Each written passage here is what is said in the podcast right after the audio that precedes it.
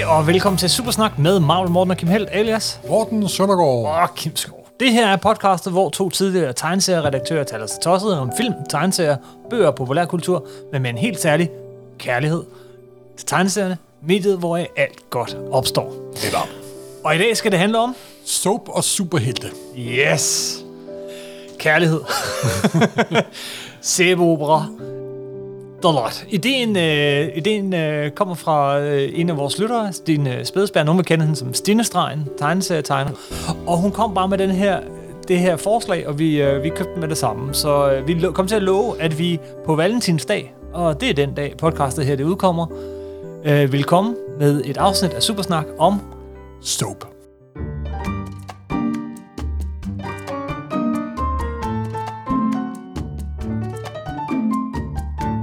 Sæbeopera. Simpelthen. Og vi har simpelthen lavet en Eller romantiske forviklinger i superheltekredse. Yes. Og jeg tror, vi kommer til at snakke især hen mod enden om, hvor grundlæggende en del af superhelte myto- myten og figuren, og, altså øh, af superhelten i det hele taget, at det her sæbeopera, det i virkeligheden er. Men Nok mere end de fleste af vores lyttere forventer og tror. det tror jeg. Men skal vi også lige uh, måske blive enige om, hvad, hvad kan den er det? Når vi siger sæbeopera, og Ja, glædelig valentinsdag i øvrigt. Så er det jo sådan nogle uendelige følgetonger med sådan, ikke hverdagsmennesker, men med dramaer hele tiden, hvor der hver femte øjeblik kommer en nyt plot twist, og en ny fætter dukker op for Afrikas indre. Og Ja, så det, det er nemlig alle klichéerne, ikke? Og, og, det, og det stemmer, det, det, den del, den stammer helt tilbage fra 1920'erne øh, i radioen. Og det er også Følgetonger. følgetonger, hvor navnet kommer øh, med sæbeopera, fordi at dengang så gik man jo, lavede man sine programmer efter, hvem der kunne reklamere, og man gik meget efter for at lave det noget man til... stadigvæk, Kim. Ja, det er rigtigt. uh, jeg kan huske, Superman var sponsoreret af Kellogg's, men de her sæbeopera hed sæbeopera, fordi de var sponsoreret af Colgate og uh, uh, Procter Gambles og uh, Palmolive, alt den slags. Husholdningsprodukter. Nemlig. fordi de blev sendt om eftermiddagen, og man regnede med, at den store, største del af lytteren, det var hjemmegående kvinder. Og der er jo nogle I, berømte øh, i sæbeopera. 20'erne. I 20'erne, og- men så snart der var tv, var der også sæbeopera. Jeg tror, uh, at Guiding Light har kørt fra 1937, Ja, det og ser vist jeg nok har stadig kører. aldrig hørt om den, simpelthen må jeg uendelig. Men se, det er ikke alle klichéerne. Det er ikke det, at det er en følgetong så meget, der gør det til en sæbeopera. Det er mere det, og det er det, den virkelig har til fælles med tegneserien, er, at det er det evige andet akt. Det er slet ikke meningen, der skal komme en slutning. det skal bare fortsætte og fortsætte og fortsætte. Øh, og man gør som regel det, at man har et, øh, øh, du har 3-4-5 plot kørende samtidig, og så, så bygger du på og bygger på. Det er også noget det, vi kommer til at snakke om. Simpelthen. Og så er det jo også, at superhelter og sæbeopera, det er jo lidt noget, der hører lidt fortiden til. Mm. Ja, det, fordi Ah. det, det, det, er, det er der stadigvæk, det er der stadigvæk, men det var meget i 50'erne, 60'erne, 70'erne, det virkelig herskede, synes jeg. Det kan vi jo diskutere. Ja, net, netop, netop. Det kan vi det er måske bare min nostalgiske øh, hjerte, der taler. Men øh, hvor nemt var det at lave en top 10 over de største, bedste, Ja, sjoveste, det var nemt herligste? nok, men det var kun inden for de to store forlag, Marvel og DC. Vi har prøvet at øh, finde ud af, er der nogle andre forlag, der har store, langkørende sæbeoperaer? Det er der ikke rigtigt. Det er selvfølgelig også klart, fordi Marvel DC er dem, der har kørt længst. Ja, men det tror jeg nemlig også, det så det, det. er lidt af, men ja, En det, del af ting er, at det skal være en serie, der har kørt meget, meget længe. Så listen er kun Marvel og DC-figurer. Øhm, hvad, men nu siger du, det er noget, der er på vej ud, og det er ved at være væk. Er det noget, der er ærgerligt, eller, eller hvad, når du siger det på den måde? Nej, det er jo, alting forandrer sig jo. Det er jo blandt andet det der med, at de der uendelige subplots, Ja. De kører jo ikke så meget mere, fordi nu er det jo meget... Hver gang ting bliver lavet nu om dagen, så har de kun hardcover og trade paperback i baghovedet med at sende det ud. Ikke? Det der Ja. gamle med, at historie kunne være tre numre, eller syv numre, eller fire numre, eller fem numre, og tre subplots kørende over det hele, det er næsten for, forsvundet. Det er meget klumper af seks eller otte stykker hele tiden. Og det har bestemt også haft sine fordele og sine fortjenester osv. osv. Men det har bevirket, at de fortæller historier på en anden måde med lidt andre virkemidler. Ikke at de totalt har forladt soap elementer overhovedet ikke. Overhovedet ikke, men det er blevet en lille smule anderledes, synes jeg. Alright. Det er ikke ligesom i gamle dage. Nu er det jo en top 10, så vi kommer til at hoppe. Øh, vi kommer til at hoppe lidt i tid og sted. Ja, øh, Det bliver ikke en kronologisk gennemgang, det her, selvom det også kunne have været sjovt, og det prøvede vi også. øh, men, men det bliver altså en top 10. Øh, og lad os da bare starte fra en ende af. Lad os starte med det mest populære af alle. øh, superhelte ja. overhovedet nogensinde, som jo ender nede på 10. pladsen, når det handler om sæbeopera. Det er ja. Selvfølgelig... Batman. Ja, og Han har simpelthen ikke tid til det pjat. han har ikke tid til Han det. skal redde menneskeheden hele tiden, og han har ikke nogen superkræfter. Så han slider sgu i det. Mm-hmm. Men der er jo trods alt en alligevel. Der har været flere. Der har været flere. Da den startede helt op Detective 27, og så op til Batman nummer 1, der var han faktisk forlovet. Det var dengang, han boede i New York. Der var han forlovet. Ja, og boede i New York. Men så er han åbenbart flyttet, eller hun er forsvundet, fordi hun glider sådan stille og roligt ud. Men i, da Batman får sin egen serie med Batman nummer 1 i 1940, Ja. så sker der jo diverse ting i det nummer. Og det første får han sin egen serie. Han har lige fået en uh, partner in crime, så at sige. Eller partner in crime fighting, i hvert fald Robin. Og det er ikke ham, han er forelsket i. Nej, det er det ikke. Det er, Selv, det ikke. selvom nogen senere påstår det. det er noget helt andet. Det er en helt anden diskussion. og hans ærkefjender og alle ærkefjender dukket op i num- Batman nummer 1. Jokeren selvfølgelig. Og det er ikke ham, han er forelsket i. Selvom man senere har påstået det, Det blandt andet i er Arkham Asylum. et, et meget mærkeligt forhold, de har. Ja, ja. Men hans sande og store kærlighed mødte han også i nummer 1. Og det er Catwoman. Det er hende, vi snakker om. Simpelthen. Mrs. Yes. Kane. Kane. Sim- Sylvian ja. Kane. Selina Kyle. Selina Kyle. Ikke Yes. Kane. Han, og der var en, en kærlighed der. Øh, der har været flere kærligheder. Vi skal snakke om Batman, Catwoman, men der har været flere kærligheder Det undervejs. har der været, men de står lidt i skyggen, vil jeg sige. Ja, hvorfor gør de det? Der er Vicky Vale, og der... Fordi at Batman aldrig rigtig har været en romantisk held, tror jeg. Nej, der var lige, der var, jeg tror det bedste forsøg, det var egentlig op i, i 70'erne, øh, der, der, øh, der øh, Er det, er det Silver St. Cloud, du tænker ja, på? præcis. Ja, men det var, det var da Steve Englehart og især Marshall Roger lavede Batman. Men i virkeligheden ganske få numre, og der er Ja. ikke en rigtig sæbeopera. Der, hvor det bliver sæbeopera, det er, når det, det er den der lange, lange, lange Will They, Won't They. Ja, Og den har kørt med Batman og Catwoman længe. det starter med i nummer, Batman nummer 1, at hun prøver at hugge en uh, diamant ombord på et krydstogtskib, hvor Bruce Wayne, skråstrej Batman, selvfølgelig også er. Og det lykkes ikke, men hun slipper væk. Og hun bliver reddet op i nummer 2, og nummer 3 og nummer 4. og så videre og så videre. Og så kører de, ja, kattens leg med musen, eller musens leg med katten, eller batten, eller hvad det nu er. Og hun blev jo sådan lidt mere, så fik hun jo en pisk ret hurtigt Ja. og stramsiddende kostymer. Ikke så stramsiddende, som de senere blev, men der var rimelig godt sådan lidt øh, undertoner af, at netop will, ya, der- will, will they, won't they, og så videre. Der var ret meget. Og det er hele vejen igennem, og det er uanset medie i øvrigt. Men så kom der jo en ting, der satte lidt stopper for forholdet. Ja. Der kom Comics Code på. ja. Og der midt i 50'erne, så, så, så forsvandt hun ud af sagaen. Hun forsvandt simpelthen ud af Batman. Der forsvandt ud af Batman, fordi det var passede ikke rigtig lige til Comics Code. Nej. En selvstændig kvinde med en pisk, som der hele tiden er, øh, spiller 1-1 med helten, der... Ah, det går sgu ikke, og midt i 50'erne er jo Batmans mest Ja. borgerlige periode. I stedet for, så kom der jo en Batwoman, også øh, på grund af Comics Code. Øh, og en Batgirl, og der kom en Bathund, og en ja. Batmid. Ba- og, Batwoman kom vist mest fordi, at øh, en af de ting, som blev hævet frem under, under tegneseriehetsen, var, at Batman øh, og i et, et enkelt panel, tror jeg nok, øh, delte soveværelse med Robin. Øh, og så skal man lige have afmonteret nogle rygter. der er sgu en hvid pæl igennem den myte i hvert fald. Se, der er også en Batwoman, og de, og de slås om hendes kunst, og, og det kom nogle dårlige historier ud af. Men, ja. Ja. men, men, men Catwoman så- forsvandt aldrig. ja, men fordi så i 60'erne vendte hun jo tilbage. I første omgang, hvornår faldt hun tilbage i 60'erne? Jeg tror nok, det har noget at gøre med tv-serien. Jeg tror rigtigt, ja. jeg, jeg, skulle, til, jeg skulle lige tænke, nu jeg passe på, hvad du siger, Kim, for det kan være, Morten har en, en der, men hun, for mig at se, så tror jeg, jeg, hun vender jeg tilbage. kender jo, den er der. Det gør jeg jo. Og altså, der bliver virkelig skruet op for Innuendo. Og, og hvem har, altså, det er jo også nogle af de mest fantastiske skuespillere, øh, der har spillet, øh, hvad hedder det, øh, Catwoman i, i Batman 66-serien. Altså, øh, altså Kid, for eksempel. Øh, Eartha Kit, ja. Altså, jeg er jo, der er jo... det- Kostymet overlader jo ikke meget til fantasien, må jeg jo sige. Nej, og, og, og den måde, hvor de, hvor de sådan spiller, hun spiller Batman ud mod Robin og sådan noget, men altså, hun er jo super, super, øh, super charmerende i den der serie, og, og, og altså, det, det er herligt. Ja. Og, øh, og så vender hun tilbage til tegneserierne. Og så bliver der skruet op for seksualiteten og Ja, attraktionen men, mellem men det er dem. ikke så om, at det, men hun er stadigvæk en fjende op gennem hal- hal- 70'erne. Jeg tror faktisk, det er først sådan for alvor med, øh, med øh, den anden Batman-film med Tim Burton, at det bliver sådan helt eksplicit, det der seksuelle forhold mellem, mellem dem. Er det Michelle Pfeiffer, du tænker på? Ja. Som I am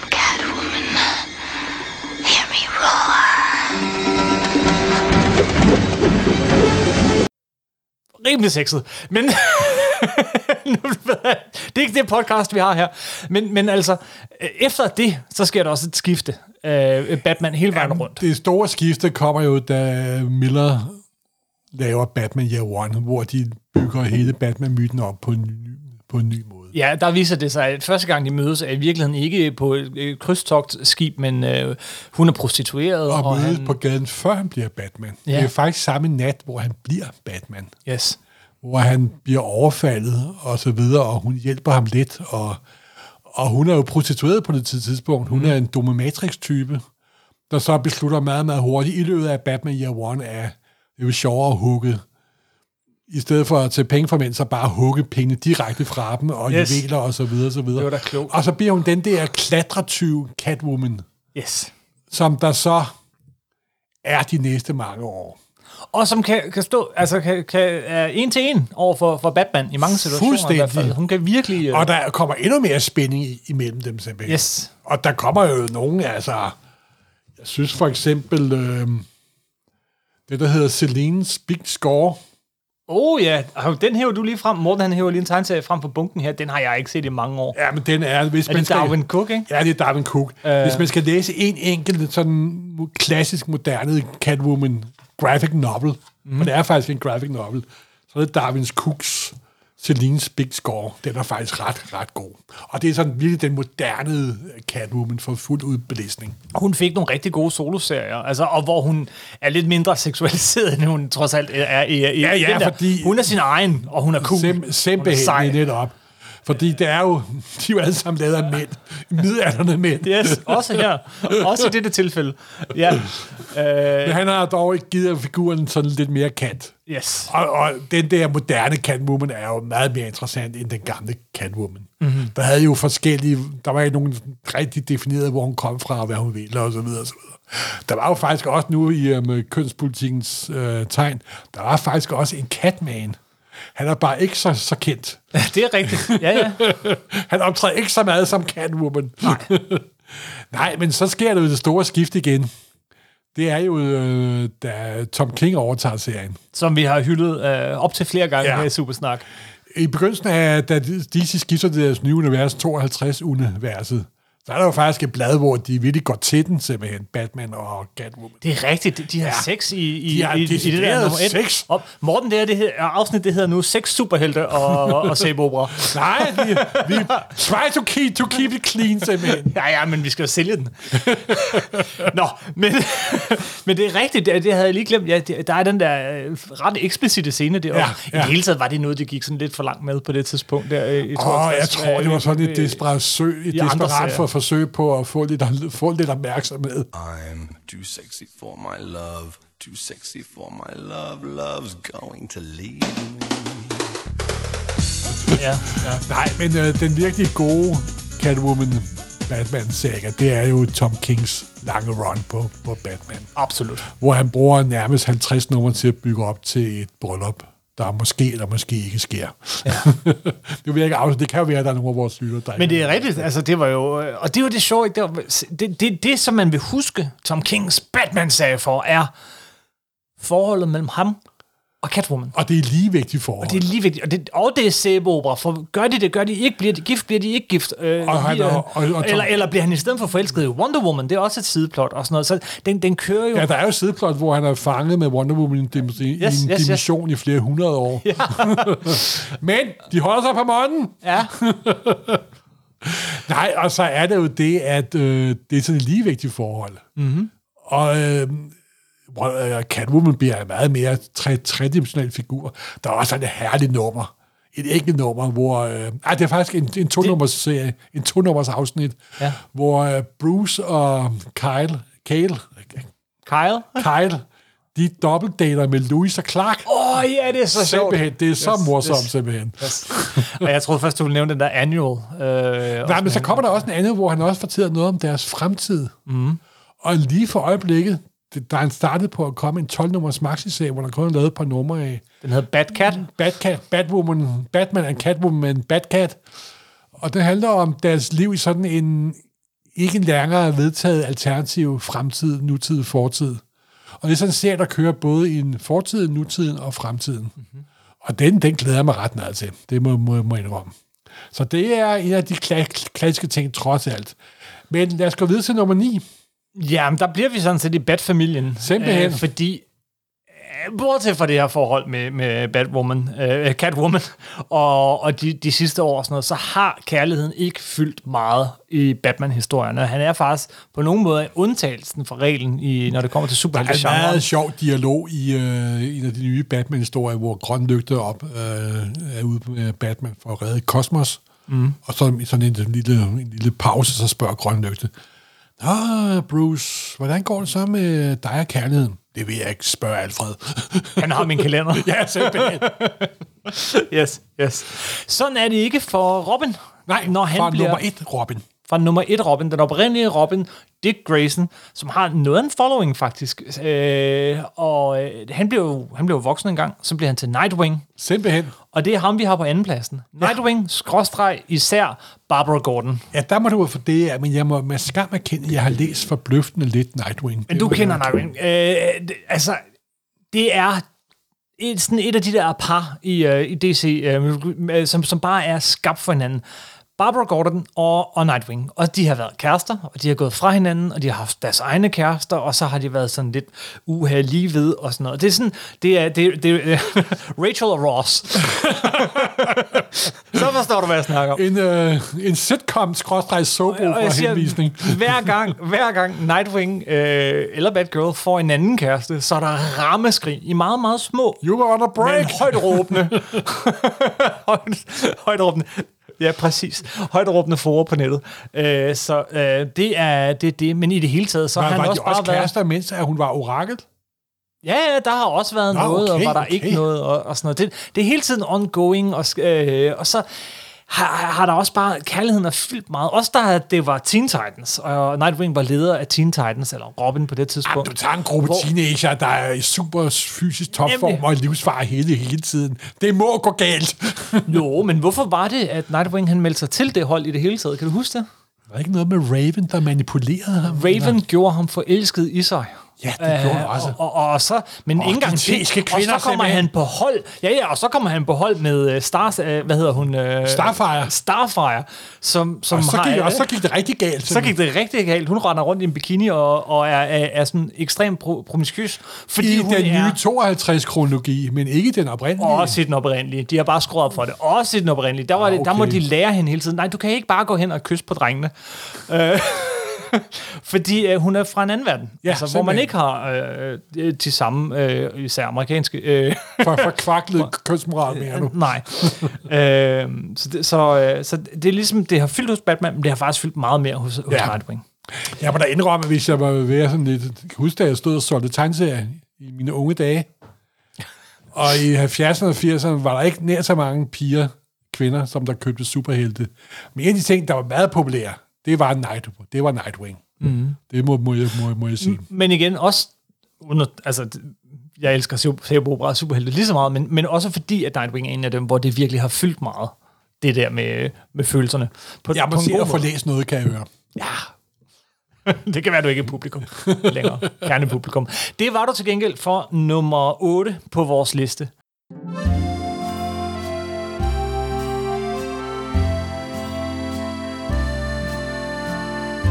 Og nummer 8 på vores liste er øh, det, det tidspunkt i tegneseriehistorien, hvor at der virkelig bliver satset på sæbeopera-elementet. Og vi snakker selvfølgelig om skabelsen af Marvel-universet. Vi snakker om den Er første det Sue, familie. Richard og Ben og Johnny? Og Namor. Og Namor! Fantastic Four. Fantastic Four på 8. pladsen. Simpelthen. Og hvad er det lige med sæbeopera og Fantastic Four? Ja, det starter jo ikke som en familie, det starter som en flok venner, mm-hmm. Sue, øh, Storm og Red Richard, de er sådan kærester lidt, men ikke øh, 100 procent. Og så er der den unge Johnny Storm, og så er der jo Benjamin Gray Grimm, Ja. der er også en smule småforelsket i Sue. Og de tager jo så ud i rummet, bliver udsat for kosmisk stråling, som man jo gør, og for superkræfter. Som man jo gør. Og så nødlader de og bliver til de fantastiske fire, og arbejder sammen. Ja. Og så begynder der jo at sådan komme, så bliver Ben Grimm til en monster, og det går han jo lidt på, men han finder jo en kæreste i Alicia, den blinde øh, skulptør, som er jo Puppet Masters datter og så videre. Det er også en smuk kærlighedshistorie. Ja, det må man sige. Men nummer 4 dukker der jo en af de gamle helte for 40'erne op. Ja. Prins Namor, Fyrst Namor, The Submariner, en havets konge i super topform, i grønne badebukser og Prinsen af bare overkrop. Yes. Og han kan flyve, og, Ja. han, og, og han er kongen lige simpelthen. Så der får Red Richard jo kap til stregen, må man sige. Det må man sige. Og han fatter straks interesse for Sue, Sue Storm. Og hun er ikke afvisende. Mm. Så, men Red Richard, der kommer sådan kører en masse derfra frem og tilbage. Det ender dog med, at øh, Red Richard og Sue Storm, de bliver forlovet. Og gift. Men, og gift. I, og øh, der kommer i- et bryllup. Og som alle andre superheltebryllup, så er der en superskurk, der prøver på at ødelægge det. Men jeg vil alligevel rette dig, for det ender ikke der. det er jo det, altså, det her, det var med, øh, det var her, hvor der var sket det i den mellemgående periode, altså i op til Fantastic Four. Der havde været en lang periode, hvor superhelte ikke solgte særlig godt. Det var ved at være lidt på vej tilbage, og de hoppede med på den bølge, fordi Timely Comics senere Marvel, øh, og så Marvel Comics altid hoppede med på bølgen, ikke? Simpelthen. Men, men noget af det, både tegnerne på den serie, forfatterne og, og rundt omkring havde brugt rigtig mange kræfter på op igennem 50'erne, var en anden type tegneserie end superhelte, og det var romance comics. Simpelthen. Øh, og, og det var simpelthen elementer derfra, de bragte ind. Det var det, som Stan Lee virkelig bragte ind. Mm. Det må man sige. Han bragte øh, soapoperaen ind. Men Sebopera er jo ikke kun kærlighedshistorier og den slags, det, det tager jo, altså det udvikler sig hele tiden, ikke? Og, og, og det bliver også sådan på et tidspunkt, at, at, at, at, at den der, det evige andet akt, den aldrig afsluttede historie, Jamen, det bliver så stor. Den evige følgetong, det bliver så stor en del op igennem 60'erne, at selv du har den, den største af alle Marvel-begivenheder i 60'erne, Galactus-trilogien, den slutter halvvejs inde i det tredje nummer, og så den en- den anden halvdel, det er sådan øh, fortællelsen af det Det er Johnny, der tager plot. på universitetet, og Ben, der går og forlader, og Sue Storm, der, ren- der render rundt, og Richard, der er forvirret. Og Sæbeopera-elementet, eller delen af superhelte kommer til at fylde så meget, så hele strukturen ændrer sig. Ikke? Hvor at før han, i starten, øh, og vi er på vej tilbage mod det nu, så havde vi historier med en begyndelse, midte og slutning. Eller Simpelthen. der sker noget, eller en forvikling, eller en men misforståelse, det bliver alt eller sammen en skurk. afsluttet inden for et forholdsvis kort Ja, tid. men, men, men med Stan Lee og Kirby og de andre, Det så sker der det. uendeligt- Ja, men, og- men det er planlagt uendeligt. Fordi Ja, ja, det- man det er begynder simpelthen at have et A og et B og et C-plot. Øh, så du har, øh, du har et, øh, Galactus kommer til jorden som dit A-plot, der kører igennem. Men den, den, den var faktisk et B-plot i nogle, nogle tidligere numre, eller et C-plot med, og der er et eller andet derude i rummet. Og sådan, sådan så man hele tiden har de der ting, man kører igennem. Og det er også en struktur, man i høj grad bruger i tv-serierne. Men altså, det er noget, der bliver skruet helt vildt op for her. Simpelthen, og det virker. Og det er det, der er det bærende i Marvel-tegneserierne i 60'erne, og, og i alle tegneserier Ja, faktisk langt hen ad, vejen nu, er, at det ikke længere er superkræfterne, det hele fokuserer på, så det er fedt, det er fedt at tegne, det er fedt at se på. Men det, der skal få os til at, at, at følge serien, det er, bliver de to nogle kærester? Går de fra hinanden? Altså, det, det, det største, der kan ske, man ved, at Marvel-universet er ved at krakelere, når Sue og Reed igen går fra hinanden. Ej, det gjorde det, så, men det var oppe i 70'erne jo, da oh. Kannefamilien kom under pres. ja, og, Og, det, og nu havde de jo, øh, så var Bissou jo gravid. Mm. Og hun optrådte jo i meget kækkelige, meget tækkelige øh, ventekjoler, må man sige. Og så bliver Emma Franklin jo født, deres lille barn der, der viser sig at have besynderlige kosmiske kræfter. Og så er der Ray Richard får ham lukket ned, så at sige. Så bliver Kannefamilien smadret simpelthen. Og det bare står på et par år, inden de finder sammen igen selvfølgelig. de går jo også fra hinanden under Civil War. De går jo Ja, fra også der, ja, hvor, hvor, hvor Sue Richard ja. tager en beslutning og siger, jeg melder mig til Captain America siden den retfærdige side. Men, uha, uha. Yes, yes, Så, nej, men, men det er... Fantastic Four gik jo også hen og blive en anden del af sådan soap aspektet Det bliver en meget tæt knyttet familie. Ja. Og lige meget, hvor meget de skændes og hakker på hinanden og så videre, og så videre, så er, bliver de en familie. Og det er det, der er meget fascinerende ved Fantastic Four, faktisk. Den her familie superhelte tegneserie. Yes, yes.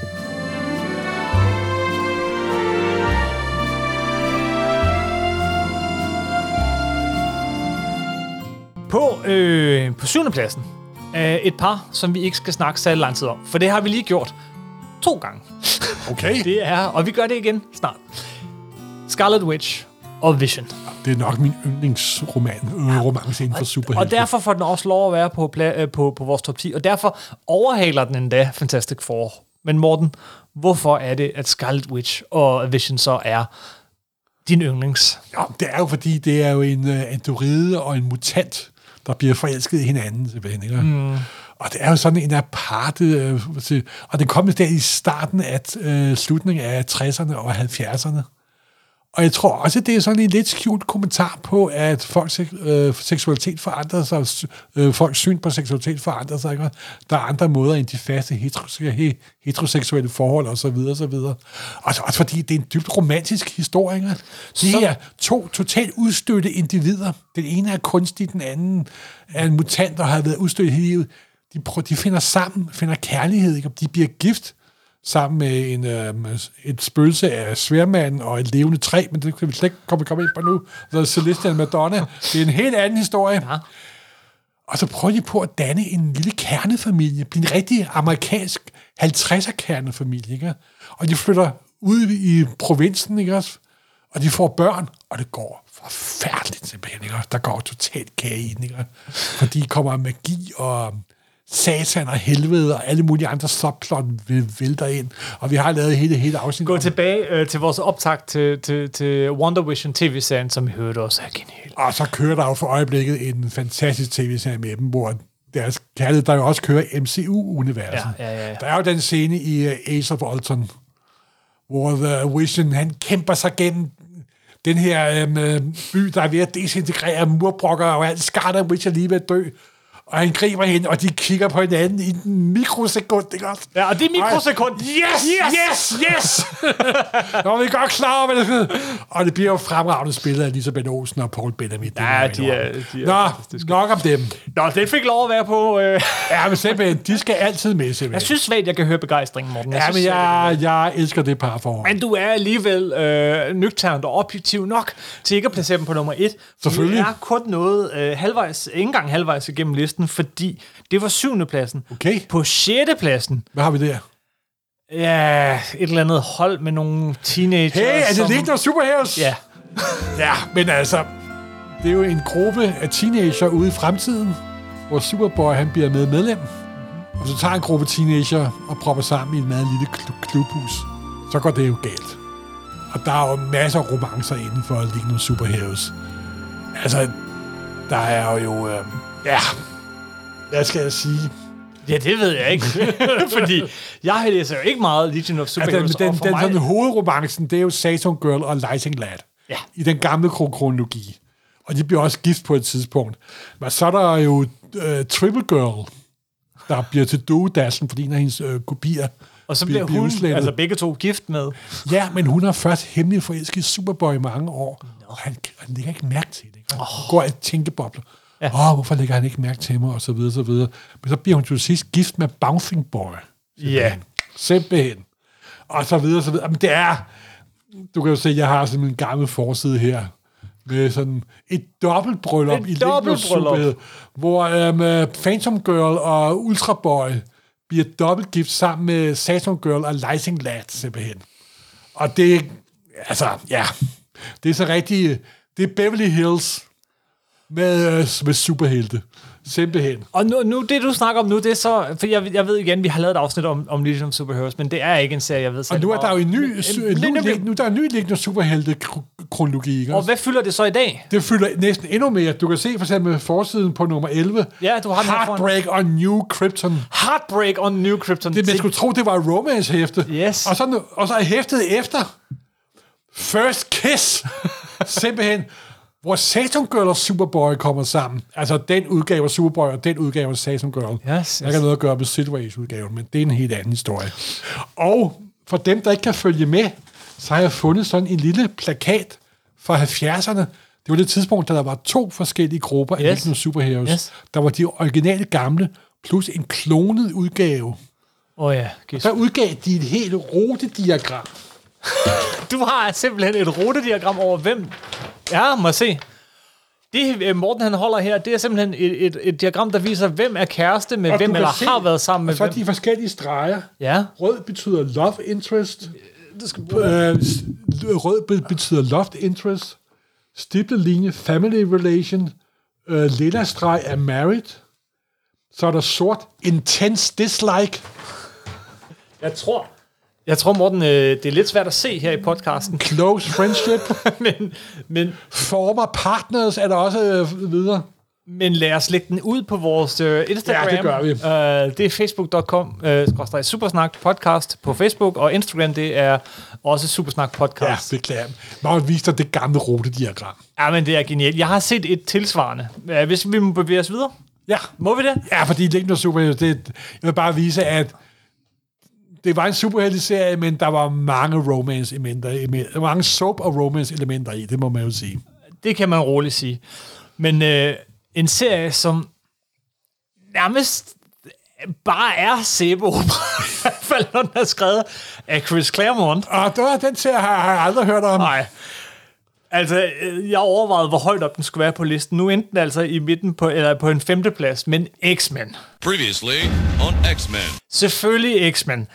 X-Men, der tog man den her ting, som, som, som Lee og Kirby og Company udviklede i, i 60'erne, hvor at man havde et A, B og C-plot, og så sagde man, men hvad hvis nu vi havde et A, B, C, D, E, F, G, H, I, J, K-plot? Det er mere i Chris Claremont-perioden, er den ikke? Det er Chris Claremont-perioden. Selvfølgelig fylder det hele vejen igennem, der har du også teenager, der er sammen, og det er allerede nummer et, hvor der er en lille mulig, træk, øh, mulig sådan en uh, trekants uh, drama mellem uh, Cyclops og Marvel Girl, senere Phoenix, øh, og faktisk uh, stort set alle de andre drenge på det hold, tror jeg. Og uh, Xavier. En Ja, kort, en, den løsslåbende tankeboble Ja. i, i nummer to eller tre, Ja, som man måtte bøde for hårdt senere. yes. Da øh, ind, hvad hedder, Ragnarok, hvad hedder den? Hvad hedder den? Onslaught. Onslaught, som den hed på engelsk. Ja. Det, det, ja. det, det, det, det var lige et sidespor. Ja. Men, øh, men, men, øh, men altså i X-Men, der, der bliver det simpelthen det her med, hvem er kæreste med hvem, hvem er, finder sammen med hvem, det kommer til at fylde mere og mere og mere. Og især, da Chris Claremont tager over på serien, så er der stort set ikke... Hvis du har et panel med fem X-Men, hvor, hvor to af dem står og vasker op, og en af dem øh, tørrer af, og en øh, tager, tager glas ind i skabet, hvilket i øvrigt vil være et typisk billede for den serie, hvilket jeg også elsker, så er der 14 tankebobler, som er, åh, hvis bare han vidste, hvordan jeg i virkeligheden følte, og åh, hvorfor lægger hun aldrig mærke til mig, og frem og tilbage, og frem og taler med tilbage. en mand, der brugte 20 år af sit liv på at oversætte dem. Yes! Hvad var de hvad, men, okay, men hvad var så de bedste forhold i, i X-Men? Ej, Jeg må indrømme, jeg synes jo mest, det var Scott Summers og Jean Grey. Det må Ja. jeg indrømme. Det var sådan det bærende hovedforhold. Det var også sådan lidt spiderparet, ikke? De Ej, gode. det, ej, det ved jeg ikke, om det var. De havde jo øh, en stor byrde på deres skuldre. Det må du nok og videre. og så var der jo, øh, Men- men, men- ja, så var der jo Iceman, der jo startede som ung teenager. Ja. Og så op i 90'erne og 0'erne, så skiftede han øh, køn. Ikke øh, køn. Nå, han, han skiftede orientering. seksuel øh, orientering. Det havde jeg faktisk lige glemt. Jamen simpelthen jo, ikke? Og så var der også Hank, som der heller ikke, ikke rigtig kunne, kunne fi- finde ud af det. Nej, men men så da han- blev muteret og blev behåret, ja. så kom der gang i seksuallivet. Med simpelthen. Trish, ja. Simpelthen. Og Abigail Brand fra Star. Gud, ja. Øh, altså, Kitty Pride og Colossus er en af de bærende. Nå ja, det var, det var sådan star-crossed lovers. Det var, det var deres udgave af Romeo og Julie. Så men, simpelthen. Men simpelthen. he, fuldstændig, og helt op her for, det er ikke så mange år siden, så var det sådan et stort nummer, nu skulle de giftes. Men så blev de ikke gift alligevel Ja. i det nummer. Og folk var, nej, men så blev den reddet lidt på målstregen, fordi så blev Rogue og Gambit gift i stedet for. For det er også sådan et power couple for den ja, det må man sige. Det må man sige. Selvom øh, Rogue har jo også været sammen med Magneto i lang tid. Det var, Ah, også det var en- et parallelunivers, var det Nej, ikke? nej, nej, nej, nej, nej, nej. Det var i Savage Land. Det var nogle sange, det der var selv der oversat også. det. Det var der også. Gud, det har jeg ikke glemt. Ja, ja, ja, ja, ja. Nej, nej, nej. Øh, ja. Og du nævnte Jean Grey, som, som, som jo også, altså, øh, hvad, Cyclops, men Cyclops havde jo faktisk et, et over 10 år langt The White for- Queen. The White Queen herself. Ja, og Det- hun var jo... Der var jo gang i den, simpelthen. Kæft, mand. Det var, og det var meget, det, det var virkelig Det er sjovt, han kommer kun sammen med telepater. Ja, men han, er, meget, han, meget han har ikke noget at skjule. Er å- åbenbart meget Men altså, der, der er øh, hele det run, altså det, øh, hvor hun lige pludselig træder ind af Grant Morrison, og hun, øh, på no, der er et tidspunkt, hvor hun sådan klæder sig ud som The Phoenix, når, når de er, ja, og så går de ja, ind på kammeret ja. og sådan noget, og man er Ja. sådan, what the fuck er det, der foregår i mine X-Men tegneserier her, ikke? Nu om dagen, så bor øh, Jean Grey, Wolverine og, øh, og, bor og på Cyclops, månen. de bor, men de bor på samme værelse. Ja, Det er, altså, der, det kører den. Og ellers, altså, hvad har vi ikke øh, af, af for, forhold i den her serie? Øh, du nævnte også øh, det, det homoseksuelle forhold. Der er også Shatterstar og Richter. Øh, Nå, ja, i- selvfølgelig. Som, som Ja, fylder en selvfølgelig. hel del af det i og de, og de der er lige blevet gift, er de ikke? Ja, det, nej, du blander rundt på Nå, noget. ja, men, det var North Star. Det var North Ja, der ja. gift, ja. Og Cyclops i øvrigt var jo også sammen med Madeline Pryor. Der har været god gang i Cyclops. Jamen, uh, Plein var jo en ond klon. Ej, men det vidste han ikke. Ma- Madeline Pryor Ja, det sagde han var jo. en pige, som til forveksling lignede Og han fattede slet mistanke. Nej, nej, nej. Også selvom hun så viste sig at være noget fra helvede. Men Ja. sådan er det jo i X-Men. Ja, jeg, Det jeg endte husker, da lykkeligt. jeg oversatte den, der manipulerede jeg lidt med teksten. Så Sprang jeg faktisk mange af de numre over. Jeg, øh, jeg har klargjort det over for de stakkels læsere. Men altså, helt ærligt, der er, du kan nærmest ikke nævne den bare semikendte X-Men, som ikke har været øh, sammen med tre andre. Det er det rene Beverly Hills. Ja, simpelthen, simpelthen. Og det altså, er- Legion of Superheroes og X-Men, de minder meget om hinanden. Det må man jo indrømme. Wow. Men Legion of Superheroes, de kom først. Og X-Men took it to 11. Så var der en, der tog den til 12.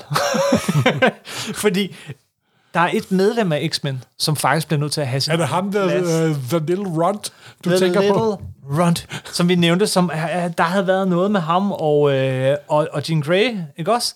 Jo, i hvert fald i et par, alter, i et par alternative tidslinjer. Nej, også, du husker forkert. Der var også en forside, hvor de gik til den, kan jeg huske, som der kom på dansk. Ja, ja, ja, og hvem var det, der holdt Jean Grey, Grey da hun døde for tredje gang? Da hun døde for tredje gang.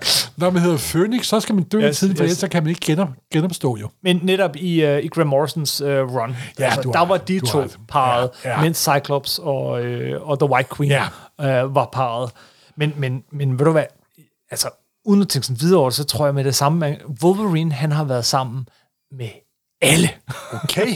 Der er selvfølgelig, og mest på det, det største, vigtigste, udover måske øh, Jean Grey, det er Yukio. ja, selvfølgelig. Og hvad er historien med Yukio? Ja, hun er jo en øh, datter af en japansk øh, gangster gangster, øh, gangsterchef.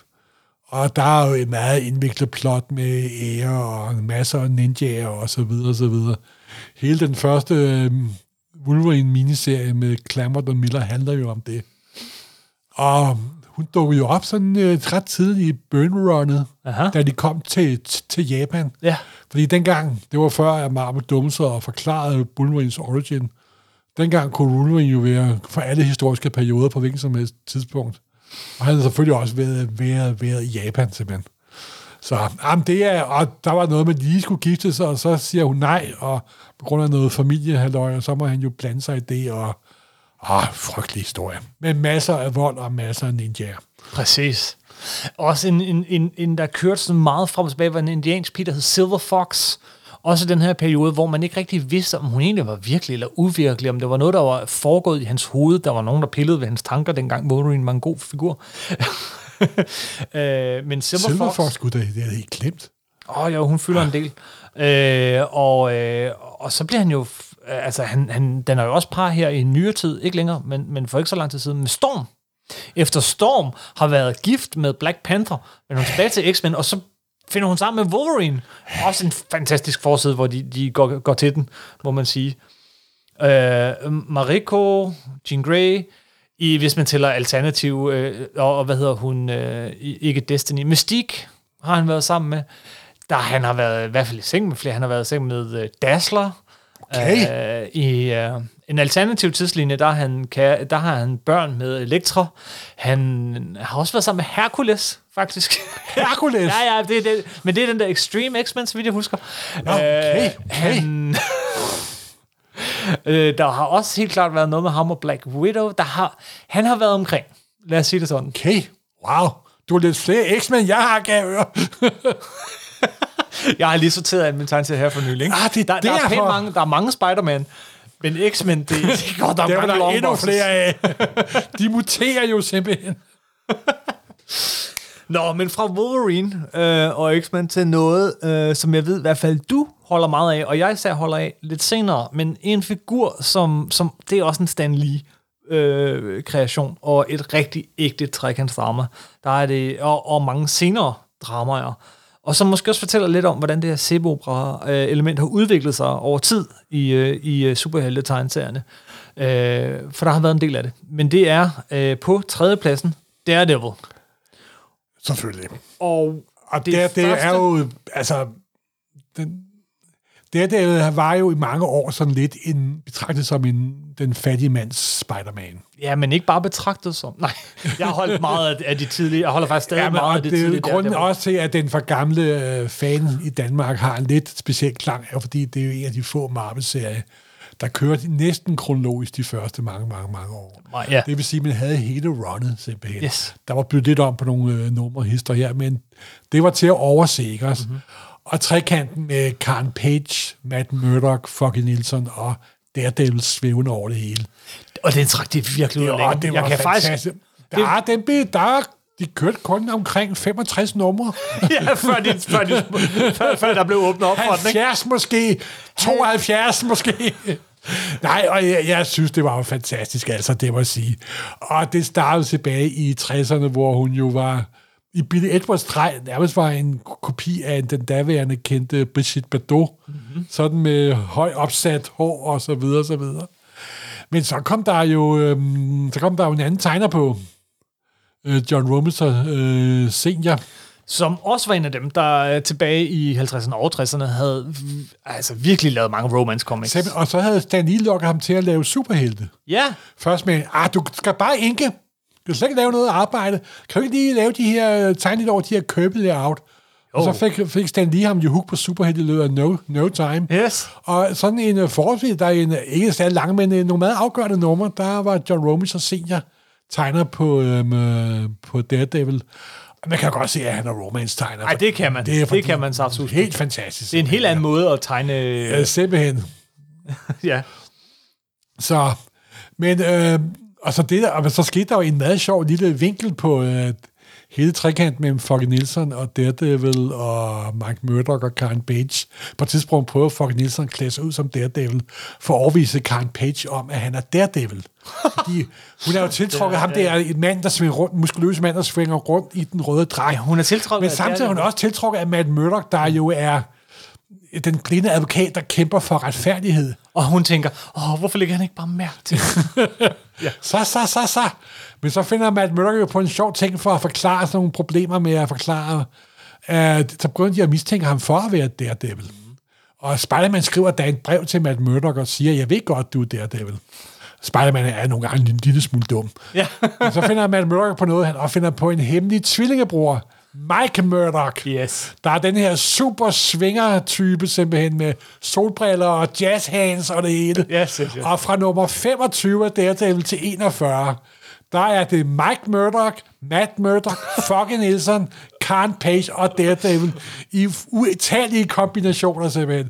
Det er Stan Lee Space Opera, eller soap opera for fuld blæs simpelthen.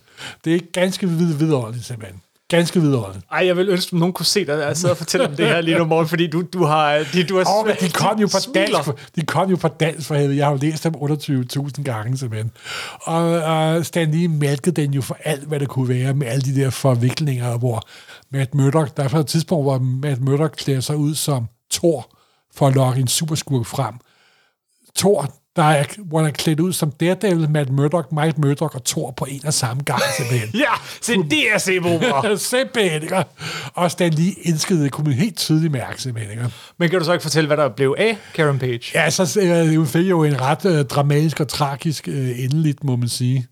Fordi øh, så forsvandt hun ud af historien, fordi så blev hun øh, sådan starhåndet til Hollywood og optrådte i nogle film. Og så forsvandt hun ud af historien, så begyndte øh, Matt Murdock at komme sammen med Black Widow, med Daredevil. De flyttede sammen til San Francisco og var sammen i mange år. Ja. Black Widow overtog endda titlen. Det var Daredevil and Black Widow. Men så kom jo øhm, øh, så kom Miller på, der dukkede en Elektra op, og der kom der virkelig gang, gang i den, og det var jo en træk. Og med Miller kom, så kom det også, at Matt Murdock, skrødhejs Daredevil, fik været et tragisk kærlighedsliv. Det må man sige. Det må du nok se. Og så øh, Elektra bliver myrdet i nummer 181. Hun, bliver Ja. ja. dog, øh, hun har dog genopstanden senere.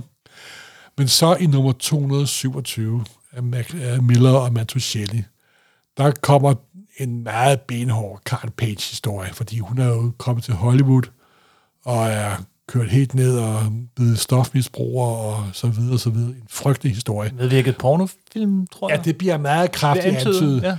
Faktisk er der jo sådan set lidt i bagklodslaben sejt, sådan lidt underligt af at Carl Page genløber det forløb i Hollywood, som Miller selv senere genforløb Ja, i Hollywood. ja. Det, er jo, det er jo lidt tankevægtninger. Ja. Og så kører der den her fuldstændig fantastiske historie med Matt Murdock, og, Carl, og så afslører Carl Page over for Kimping, øh, at Daredevil er lige med mm. Matt Murdock. Der kommer de begge to i nedskidt, men de finder hinanden igen. Og hiver hinanden op, og en fantastisk historie, det er jo Born Again. Ja. En af de højdepunkter i amerikansk superheltehistorie, den har vi snakket om masser af gange. Men så, og det har jeg aldrig tilgivet Kevin Smith. Nej. Han kan simpelthen, han kan ordne cancer, han kan ordne verdensfreden, og hvis han vinder øh, øh, med Nobelpris i tre forskellige kategorier, vil jeg måske til tilgive ham simpelthen. Det tror jeg ikke, du vil. Nej, nej, virkelig ikke. Han slår sgu Karen Page ihjel. Ja. Og det har jeg, jeg normalt er jeg ikke til nerd rage. Men det, det, det gjorde knæene ondt, og jeg var da tvunget til at oversætte den simpelthen. Det er Ah, en skide god ah. nummer. Ah, ah, Ja. ja. Det var hårdt. Det var hårdt. I det hele taget er det hårdt at være kæreste med Ja, Daredevil. senere hen, så er det jo, de, er, for at sige, de, jo, de dør som fluer simpelthen, altså. Fuldstændig. Det er altså, fuldstændig vanvittigt. Så bliver det, øh, man bliver gift. Og, med, Han blev gift, det var op med Hader- Bendis' Med hader, og hun dør også, og Ja, gjorde hun, eller blev hun bare sindssyg? Hun blev sindssyg, og det viste sig også, at da han havde giftet sig med hende, havde det i virkeligheden, der havde han været gennemgået et nervøst sammenbrud, øh, og vidste ikke rigtigt, hvad han gjorde. men og der er en ting med Karen- blev annulleret. Men der er en ting med Karen Page, du har, du har glemt. Jeg har glemt, det er dig, der sidder og ført enetal. Ja, okay. Som du ikke er klar over. Godt. Hvem hun forlod Daredevil første gang, Ja. og dukkede op igen i nummer 227. Ved du, hvem hun så var, var kærester med? Ja, det er der ikke mange, der ved. Nej. Hun var kærester med Ghost Rider. Johnny Med Blaze. Ghost Rider? Ja, simpelthen. Okay. Ja, Det var jeg faktisk... Det det, det, det holdt ikke så længe. Nå. Så ja, dukkede hun op i hans serie, eller hvad? hun dukkede faktisk op i et nummer af både Ghost Rider og Daredevil meget, meget kort, og så forsvandt igen. Ja. Ja, Hun, hun dukker nok også op igen, ude på et tidspunkt. Det håber jeg ikke. Det vil være, det vil være lidt ærgerligt. Ja, men jeg må Øh, indrømme, at hun er en af mine yndlingsbifigurer, Karen Page. Helt klart. Det må jeg indrømme. Nå, Øhm, på, øh, på, skal vi hoppe videre til andenpladsen? ja, lad os, lad os det. Fordi på andenpladsen, der har vi jo, øh, der har vi jo øh, Spider-Man. Simpelthen.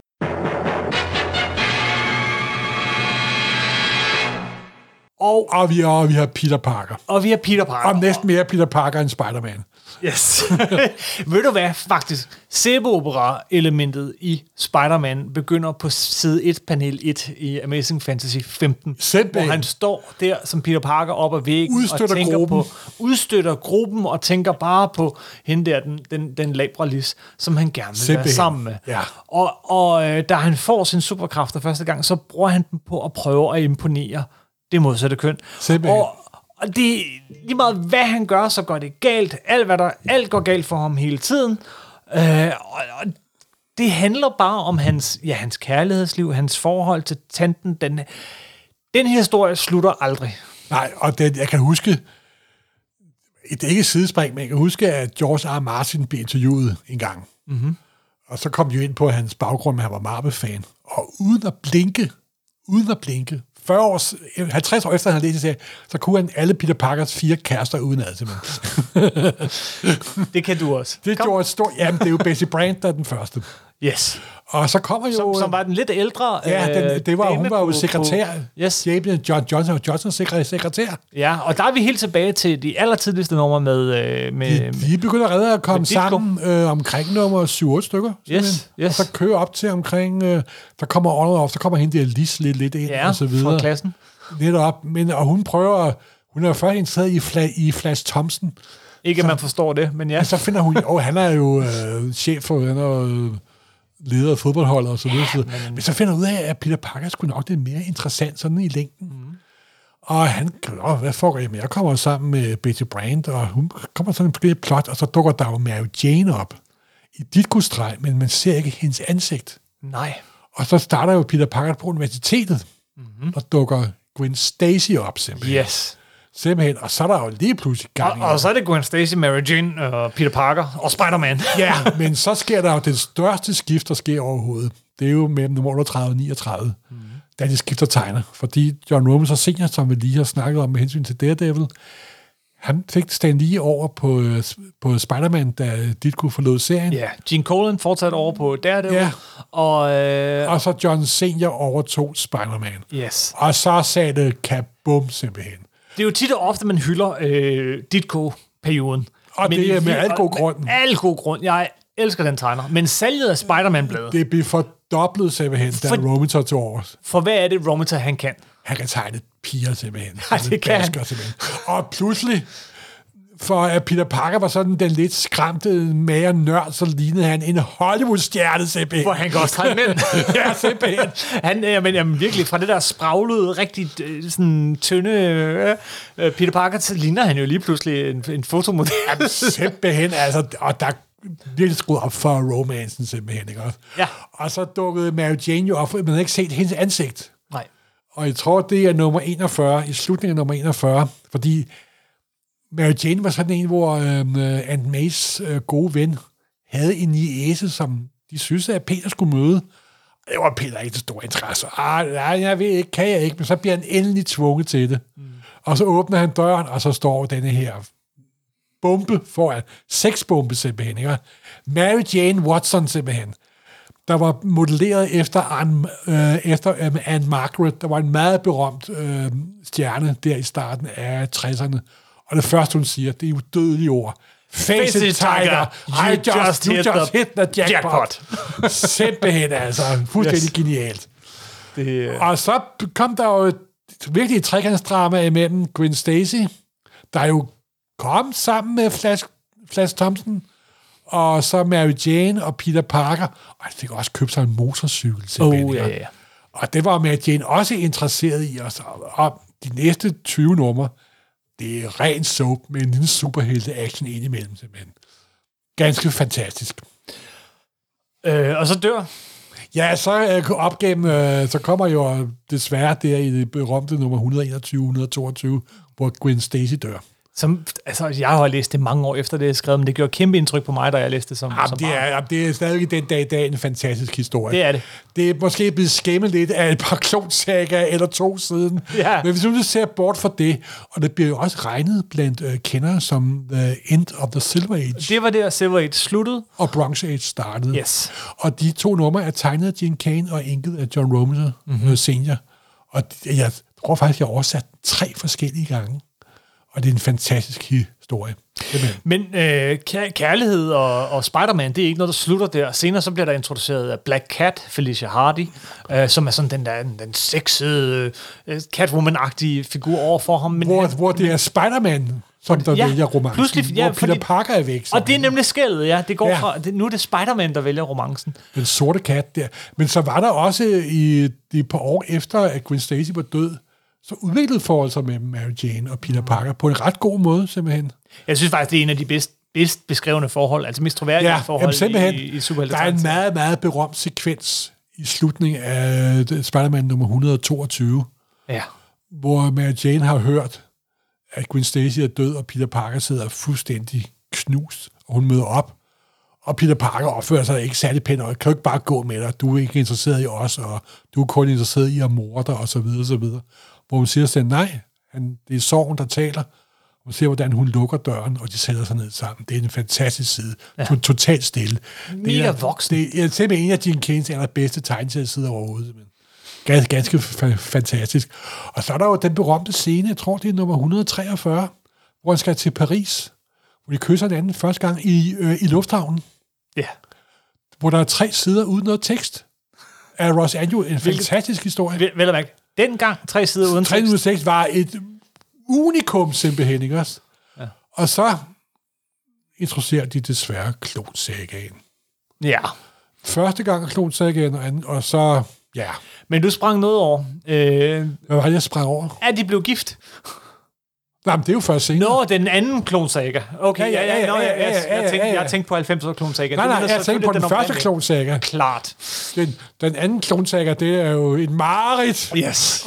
Men, men for nu at gøre en meget lang Ja, historie ja. kort, så øh, bliver de gift på et tidspunkt, Mary, Par- uh, Mary Jane. Øh, Mary Jane Watson. Mary Jane Watson Parker kommer hun til at hedde, øh, og, og, de er gift, og det tager faktisk noget af energien ud af Spider-Man-tegneserien. Ja, det er fordi, så giver de hende også sådan, hvor hun bliver super, international supermodel, og det Og, passer og, slet og ikke. prøv at høre, vi, vi startede med en teenager, Ja. som var lidt nørdet, og nu har vi, øh, han er gift med ja, en super, international supermodel, ja. øh, og han er gift. Øh, og, det, og det tager noget af Spider-Man-figuren. Ja, men det, det sig. passede sgu ikke. Jeg kan huske, da Stan Lee besøgte København her for en del år siden, Ja. og så snakkede jeg øh, nogle noget foto op på Enterprise, og så står jeg og snakker med konen, øh, John og Lee der. Johan Lee. Johan Lee? Ja, det var Joan, ja. at, og så var der sådan et nummer Spider-Man, der lå fremme, hvor Peter Parker, hvor Mary Jane var på forsiden, og vi to meget hurtigt enige om, at den udgave af Mary Jane brød vi os ikke særlig meget om, simpelthen. Og det har sgu nok også været Stan Lees mening, fordi det var totalt fjernet for, for, for, for figuren. Nu må vi være i 1992, så det Ja, har det er sandsynligvis 90'erne. været, været øh, John McFarlane, som Ja, tegnede det er hende med kæmpe hår og Simpelthen. Alt Det var kæmpe. Simpelthen. Ja, ja, simpelthen. Ja, ja. Men, men sådan er det. Når man er figur i tegneserien lang tid, så skifter man karakter udseende et, et par gange eller tre. Yes, ellers så går man i stå. Men så bliver de jo gift. Ja. Og den eneste forfatter, der ville kunne køre et ordentligt superhelteægteskab, det var jo Straczynski. John Michael Straczynski, øh, altså det, det var faktisk rigtig fedt. Ja, det, det, det, det, fungerede, det fungerede rigtig godt. Virkelig godt, simpelthen. Men sæbeopera-delen, alt det her will they, won't they, og trekanter, og alle de her ting, det var ligesom skåret fra figuren, ikke? Altså ja. man prøvede, en del af klonsagaen var jo i øvrigt, man turde så ikke, øh, der var for stor rammeskrig, men en af grundene var jo, at man forsøgte, ved at skifte Spider-Man man, man forsøgte Øh, at Peter skifte, Parker ud. fordi Peter Parker var ligesom gået fast, fordi at han, han øh, hvad hedder det, var blevet gift. Ja. Øh, og, og så ville de have en anden, øh, Ben Riley, øh, som jo også var en klon af ham, ind i stedet for, som, som var ung Karl. Men, men, Men, i aller, turde de aller sidste øjeblik, der trak de i nødbremsen. Ja. og bakkede totalt tilbage, simpelthen. Men det gjorde de ikke.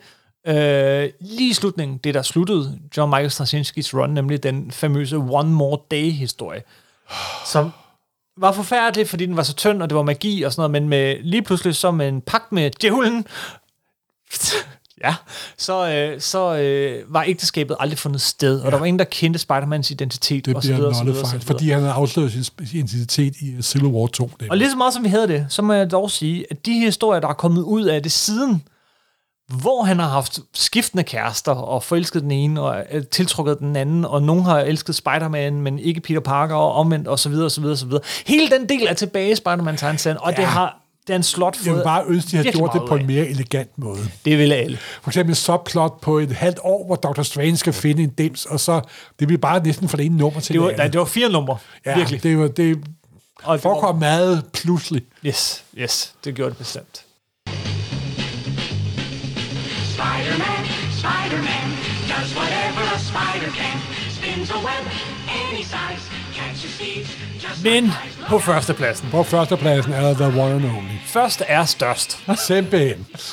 The Power Couple of them all, eller Triangle. Og vi, og vi snakker om figur, som der er med i den allerførste superhelteserie. Nej, men det er jo, det er jo Superman, Lois Lane, Clark og Kent. Clark Kent.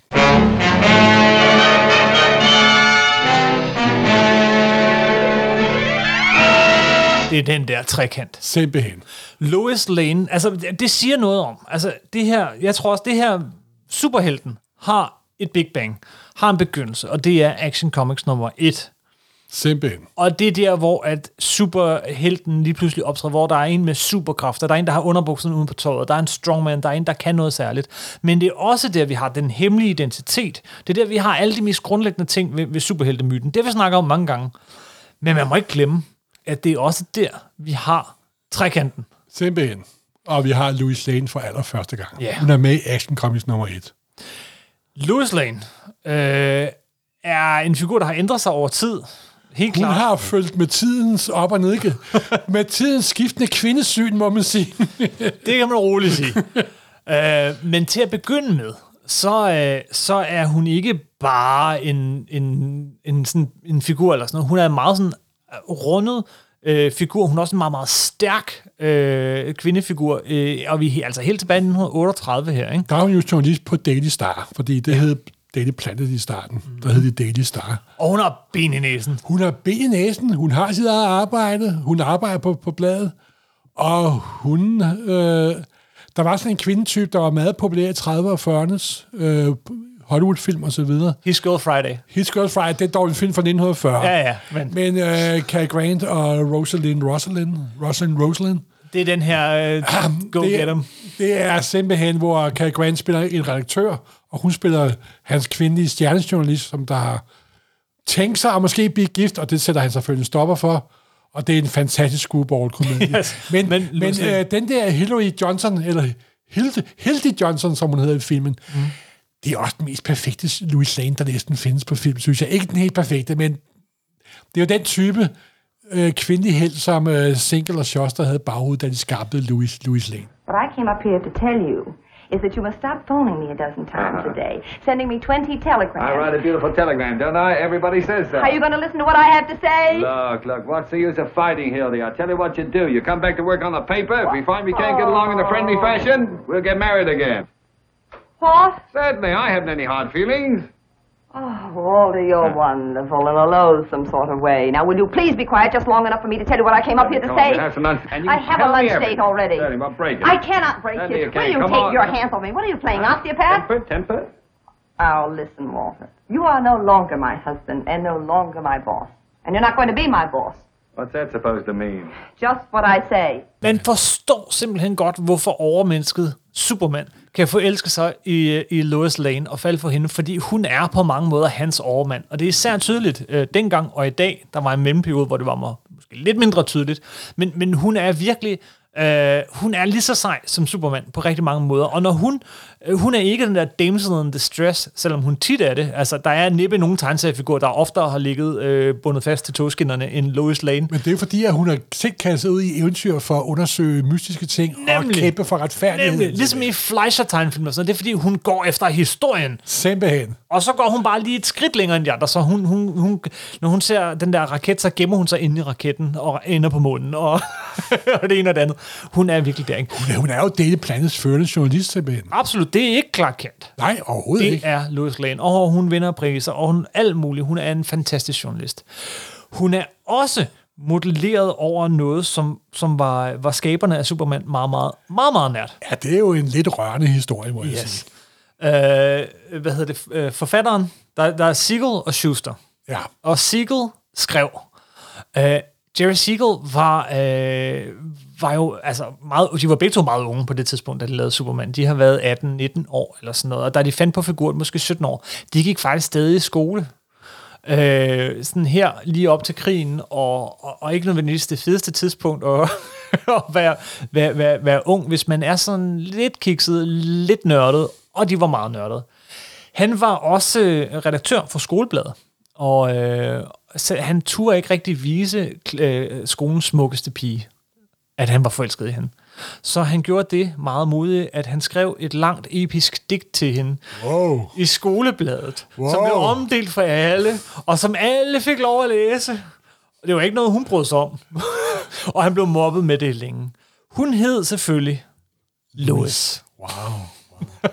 Så når Lois Lane hedder Lois, så er det altså barndomskærligheden Lois. Men derudover, og nej, de fandt ikke sammen. Nej, men det var nogle andre, der gjorde. Fordi da de så skulle øh, tegne Superman-tegneserierne, så, så tænkte de, vi må hellere skaffe os en model. De må ska- og så, øh, så øh, ringede de to unge mænd, øh, så et opslag, og så fik de så sådan en, en, en, en 17-18-årig pige til at komme ud og modellere for dem. ja. Hun var pænt overrasket, da hun kom ind øh, og tænkte, Ja, hun, hun troede det var sådan en professionel voksen tegner, som man skulle bruge til Ja, og så står der sådan to teenage-drenge. Så står der den her teenage-dreng, stille der, så tegner vi dig. Men øh, det gik ud, ud, det gik udmærket. Og Det gik faktisk øh, mere end udmærket, fordi mange år senere, rigtig mange år senere, øh, faktisk, øh, så blev tegneren gift med fotomodellen, der havde, øh, der havde hvad hedder det, stillet, stillet op. Nej, det var da Jazz Single, Nå, der ja, undskyld. Siegel. Ja, Ja, nu blev Siegel, det, det det er var- det selv samme Siegel, ja. Ja, ja. Så, som, som bliver gift. Sigrid havde nok det romantiske hjerte i det, i det forhold der, tror jeg. Ja, det er rigtigt. Det, det er helt rigtigt. Øh, men han bliver simpelthen gift med pigen, der stillede model ja. Ja. til Lois Lane. Ja. Så Lois Lane, det var han, Så han fik måske alligevel sin Louis. han fik alligevel sin Louis. Og så er det jo sjovt med Louis Lane som figur af, hun blev integreret del af Superman-myten. ja. De helt tidlige start, der var der sådan lidt øh, hund og kat foran i, imellem Superman og hende. Fordi ja. de var også, de, konkur- de konkurrerede, og de havde sådan lidt, hvem er du, og hvem er jeg, og så videre, så videre. Det blev dog senere sådan, det er lidt mere faste gænge efter, efterhånden. Og så er der, sker der også altid det, når hvis man er, kommer sammen med en superhelt, en anden er en superhelt, familie med en superhelt, så smitter der også mærkelige ting af. Så hun begynder jo også at gennemgå de forskellige, hun fik jo også superkræfter på et tidspunkt. ja, men inden du hopper så langt, øh, fordi det er faktisk lidt senere. Det er ikke i, lige i starten. Øh, og det er Action Comics nummer 60, hvor hun første gang får superkræfter. 60, men der er vi også et, Ja, okay, et stykke, det er på stykke oppe. Lidt mere grundlæggende ved det er, så at, at Superman Action Comics nummer 1 introducerer jo også noget, som er, er, er, er, er super kendetegnende for sæbeopera i superheltetegneserier. Og det er nemlig trekanten, den, at hun er forelsket i superhelten, øh, men ikke den hemmelige identitet. Og den hemmelige identitet, i det her tilfælde, det første Kent. tilfælde, Clark Kent, er forelsket i Lois Lane. Simpelthen. Den trekant, den er jo, den er jo super tegneserieagtig, øh, og det var det samme med Karen Page og Daredevil og Matt Simpelthen. Murdock. Og, og det samme med Peter Parker og Spider-Man og øh, Felicia Hardy og så videre og så videre og så videre. Øhm, Og Clark Kent har åbenbart, George, eller sådan noget, med Kyle, har åbenbart det der mærkelige med, at han vil have, at hun skal blive forelsket i Clark Kent, og ikke ham. ja, selvom han spiller en rolle, lidt, Ja, han er Clark Kent. ikke. Så det er sådan lidt ambivalent. Ja. Det er, han er, hvad foregår der indtaget, ikke også? Altså, Jeg kom til at tænke over, hvor kommer det der fra? Og så faldt det mig ind, noget jeg ikke havde tænkt over før, men det faldt mig ind, at øh, måske i virkeligheden så har de været inspireret af Cyrano de Bergerac. Åh, oh, du bliver litterær her på dine ah. gamle dage. Wow. Det kan jo være, det var Sebastians version. Nej, øh, Og Sebastian lavede en version. han, han, han har jo lavet en musical, men det... Uanset. Glurp. men men øh, i, i den så er, øh, er Roxanne jo øh, super forelsket i, øh, i, i Christian, men det er hun ikke. Hun er forelsket i, øh, fordi Christian er i virkeligheden Cyrano de Bergeracs hemmelige identitet. Det er en anden mand, men alle de fine ord, poesien han kan og sådan noget, har han jo øh, lært, af, eller fra, øh, sagt efter manus af, af Cyrano. Så der har du den der trekant med, at superhelten, og Cyrano er altså tæt på at være en superhelt, Ej, det må man er sige. forelsket Han er hende. Frankrigs bedste fægter. det må man sige. Og poet. Og hun er forelsket. Så- Så det der trekantsdrama der, ikke? Det, det ser man allerede der, og det er jo må man sige, en tem- temmelig kendt fortælling. Men det er en, en af de få sådan, fortilfælde, jeg kan komme på. Øh, og der er helt sikkert mange andre. Øh, men, Det, det er ikke men ellers, dum, det er ikke så er det, dum idé. Ej, man skal jo lige fyre en eller anden øh, tese af en gang. Om du har belæg for det, det må guderne vide. Det er lige meget. men, øh, men, men ellers så er det jo bare, det er endnu en ting, øh, som, som bliver cementeret med Action Comics nummer 1 og, og er Ja, bærende. Action Comics nummer 1 er jo et... Um, det er over 0. Det er mm-hmm. The Big Bang, som du sagde. Men, men, men så går tiden jo. Ja, og forholdet mellem de tre, det er jo de tre. Ja, det simpelthen, sig. så kommer jo... øh, Så slutter 2. verdenskrig. Mm. Og så bliver... Kan man godt sige, at kvinders stilling bliver sat lidt tilbage, fordi så ryger hun skulle tilbage til køkkenet.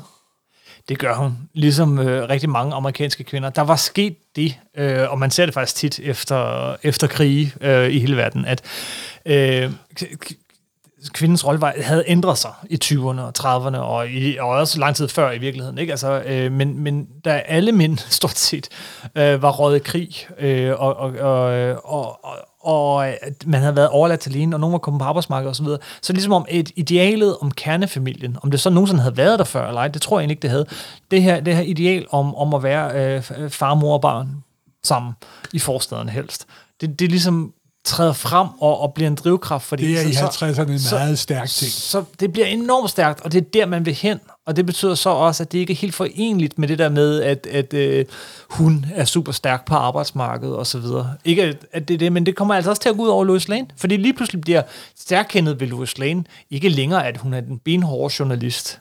Hun er Supermans girlfriend. Ja, og hun vil intet hellere end at blive gift med Superman. Og opdage hans, afslører er kendt Clark Ja, Kent det er så er det andet. Hun er stadig lidt nævnt Igen har hun også et lidt ambivalent forhold til det forhold der. Ikke? også? Det er altså mærkeligt.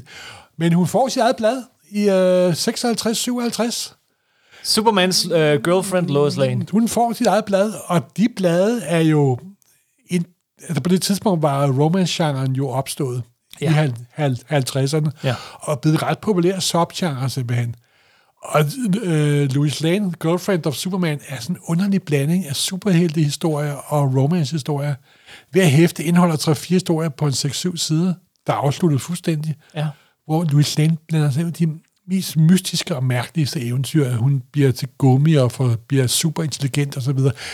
Hun ikke så voldsomme transformationer, som Supermans perle Jimmy Olsen kommer Nej, igennem. som også kørte på det Som vi, vi så lavede hele afsnittet en Ja, gang ja. for mange, mange år siden.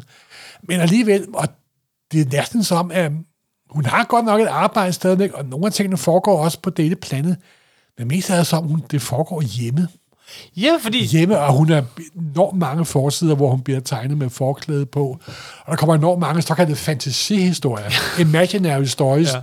hvor hun, hvad sker der, hvis jeg nu bliver gift med Superman, og hvad nu, hvis vi får børn, og så videre, så videre. Prøv, prøv at høre, de historier der i 50'erne, de er ikke noget at skrive hjem om. De er altså ikke alle sammen lige gode, men forsiderne... Forsiderne er fuldstændig geniale, De og er- især er der to tegnere, der lavede forsiderne. Ja, men altså... Og de hed begge to Kurt. Ja, Der var Kurt Swan, med C. som der tegnede især forsiderne, Ja. og så Kurt Slaffenberg, også tegnede forsiderne Kurt og alt indholdet. Og Kurt Slaffenberg med K, Ja. han havde simpelthen en så ren og clean og wholesome streg, som det hedder på amerikansk, så han fik simpelthen Kurt Swan til at se snavset ud simpelthen. Det er simpelthen indbegrebet af den amerikanske middelklasse øhm, øh, familieidyl i ultimativ potens simpelthen. Ikke? Yes, yes, yes. Altså, der er sådan nogle historier, hvor Louis Lane skal være ond, så har hun sådan lidt tykkere øjenbryn og en anelse mere sort hår og en lille smule spidsende negle simpelthen. Ikke? Og de er fuldstændig vidunderlige simpelthen. Ikke?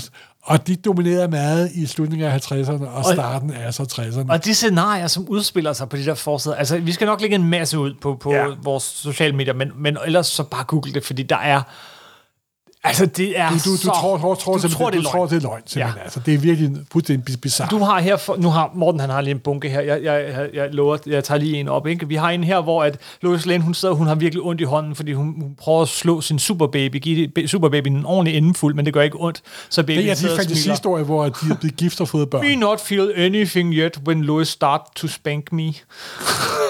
Og det er selvfølgelig historien Lois Lane, super babysitter. Så har vi en, hvor hun har fået superkræfter. Så har vi en, hvor hun... Øh, shock story of the year står, øh, står der, hvor at øh, Lois Lane simpelthen har fået sig en, øh, en dukke af Superman, som hun pisker, mens hun står i, øh, i forklædet. Så har vi For en, der er også en meget anden interessant ved alle de der 50'er historier. Ja. Fordi i 50'erne, der var der jo lagt låg på. Sådan Ja, det må talt. sige. Men trykket og følelserne er der jo stadigvæk. Og alle de historier var jo lavet af middelalderne mænd, så der går nogle mest bizarre, mærkelige ting, der bobler op en gang imellem, ser set med nutids øjne. Men jeg synes, vores lytter skal fornøje sig selv med at google Louis, Louis Lane covers. Og ellers kan man jo følge os på Instagram. Simpelthen, det kan vi også. Ja. Men så op gennem 60'erne, så kom der jo gudskelov en smule fremgang for kvindesagen simpelthen. Yes. Og der blev åbnet lidt op. Og det afspejlede sig også i Lois Lane. Det afspejler sig med det samme i Louis for det var meget sjovt. Marvel i starten af 60'erne voksede frem og blev det, vi kender, Spider-Man og Hulk og Fantastiske Fire, Kirby og Ditko. Men hvis du så på salgstallene i. Ja. starten af 60'erne, så var det ikke, så var der fire serier, der solgte mere end alt andet. Batman, Superman, Jimmy Olsen og Louis Lane. Ja. De solgte cirka dobbelt så meget som alle Marvel-bladene. Yes.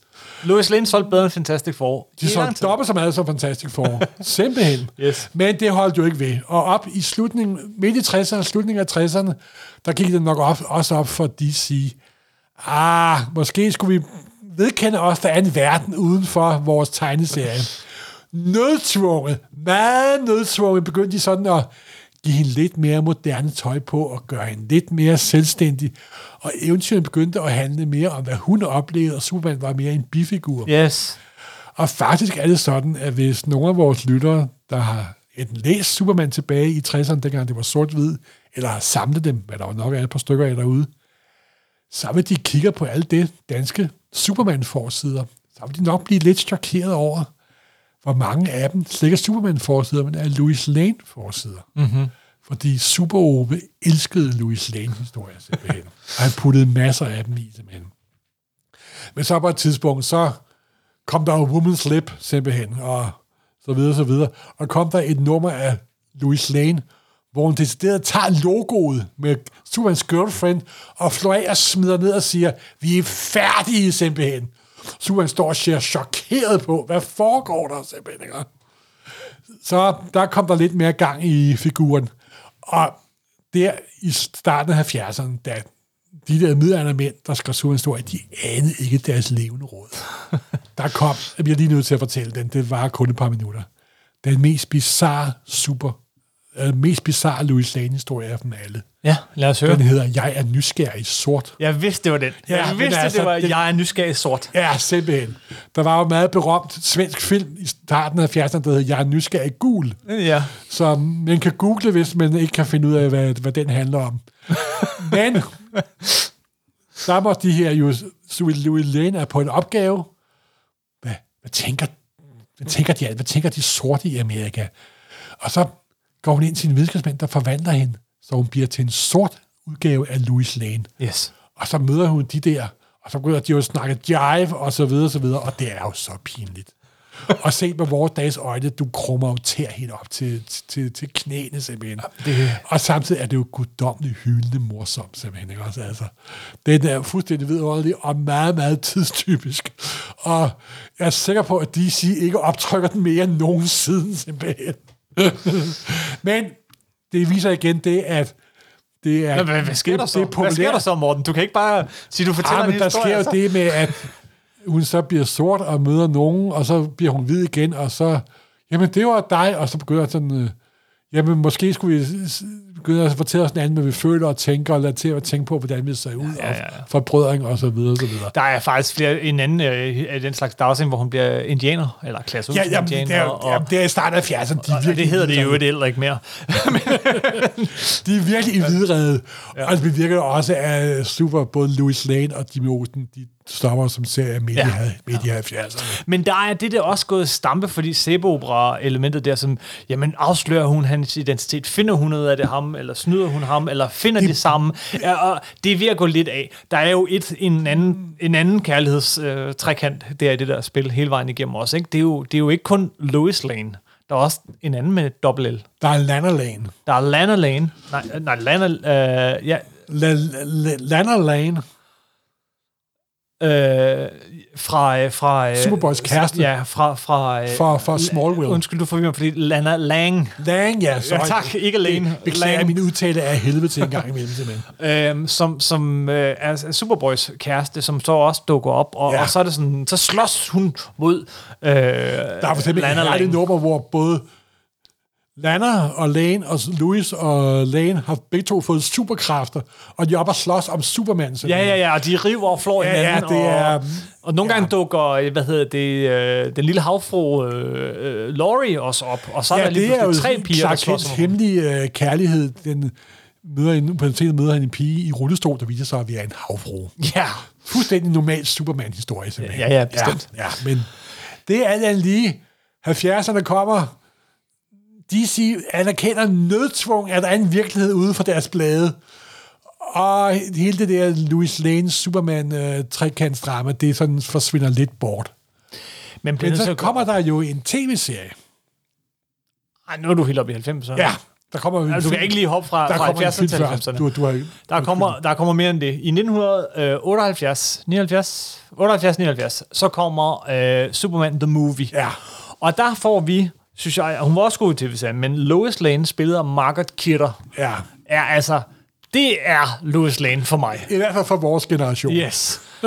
og hun er jo benhård og sej, og når hun er ved at falde ud af helikopteren, Ej, så er hun det var- fordi, hun er nysgerrig. Hun er den rigtige Lois Lane. Christopher Reeve var virkelig godt castet som Superman. Og det er jo en- Men Louis Lane var endnu bedre castet. Det var Uh, han. Kidder var endnu bedre castet som Louis Lane. Så Det sejt. var spot on.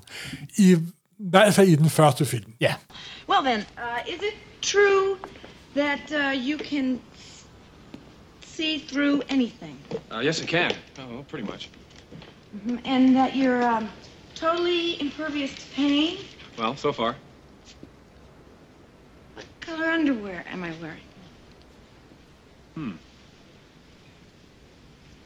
Oh, I'm sorry. I embarrassed you, didn't I? Oh, no. I did. No, no, no, not at all, Miss Lane. It's just that this platter must be made of lead. Uh, yes, it is, so. Oh, you see, I, uh, I sort of have a problem seeing through lead. Oh, that's interesting. Problems and first name. Hmm. Uh, d- uh, do you have a first name? What do you mean, like uh, Ralph or something? No, no, I mean like, uh... Pink. Pink. Helt fuldstændig fantastisk. Og den første film er jo en kærlighedsfilm. Altså efter vi, den store episk film med hans øh, fødsel og alt det der, og død det, det, du husker men fra filmen, det er forholdet mellem de to. at de flyver rundt sammen. Det er Og- op, op over, skyerne. over skyerne. Og øh, at, at, Ja. at han skriger til sidst, da han... Så jeg tror, hun blev er det blød om hjertet og synes, det var en ok film. Og hun er sej. Og hun er, Hun er super sej. distraheret. Og, altså, der er så meget af Margaret Kidder's Louis Lane, som, som er, er båret over i tegneserieportrætteringen Ja, den dag er, i dag. det er der virkelig. Det er der virkelig. I tegneserierne, så... Ja, og de bliver jo øh, gift i... Øh, eller finder sammen eller sådan noget i, i Superman 2. Jeg husker det svagt, faktisk. Og så Ja, bliver- der er han opgiver sine kræfter for Ja, men, ja. Åh, jeg, men, Glem men det. De tidlige Superman-film, jeg vælger kun at huske nummer ja. et. Nummer et- to, tre og fire er noget, jeg har set, men har valgt at glemme. I tegneserierne, så øh, indser de, så de må se indhente uh, Marvel lidt, og så lade være med at lave afsluttede historier. Der var jo en lille Kim, der blev narret en gang. var- Den var historie har jeg fortalt dig, ja. Ja. ja. det er rigtigt, inden vi hopper så langt. Ja, øh, der kom jo en historie, og den kom på dansk, hvor der var en forside, hvor du ser Superman komme flyvende med en Lois Lane i brudekjole. Simpelthen. Og, og de er blevet gift. Ja. Og det blev de. Ja, det var det blev virkelig gift. Og det var ægte. Men Fuldstændig ægte, men det var ikke den ægte jord. Var, nej, det var år to. Det var jo to. Det var Golden Age Superman, der endelig fik sin Louis Lane, faktisk. Yes, yes. Eller Louis Lane, der endelig fik sin Superman. Ja. Og jeg husker, at dengang det bladet kom på dansk, der kan jeg huske, at jeg, en af undergrunden sad jeg og hørte radio, sådan P3, og der var sådan en af dagens nyheder. At Superman var blevet gift? Ja, simpelthen. Og så den journalist, der, han, der kunne han ikke rigtig, man kunne tydeligt mærke på ham, at konceptet med forskellige jorder i disse universet ikke var noget, han helt lige var klar over. Ej, det var dårlig uddannelse inden for journalister, vil jeg sige. Ja, det synes jeg. Og så, så jamen, hvad foregår der for de, der er ikke gift i virkeligheden? Jeg tror, at det han sagde, det var meget morsomt. Men det var altså lidt af en snyde forside. Ja.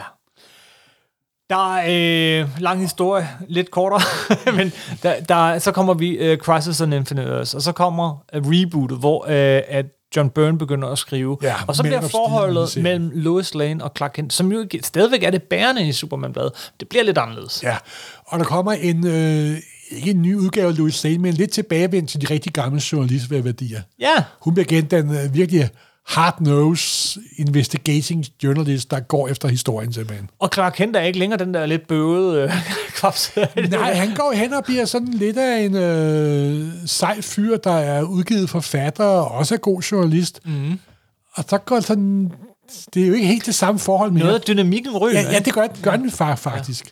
Men, men, de, øh, og de, men de bliver mere nær, øh, hvad hedder det? Men inspireret af John Byrne og øh, den nye udgave af Superman, så kommer der også en ny tv-serie. Det er det, der gør. Der hedder Lewis and Clark. Ja.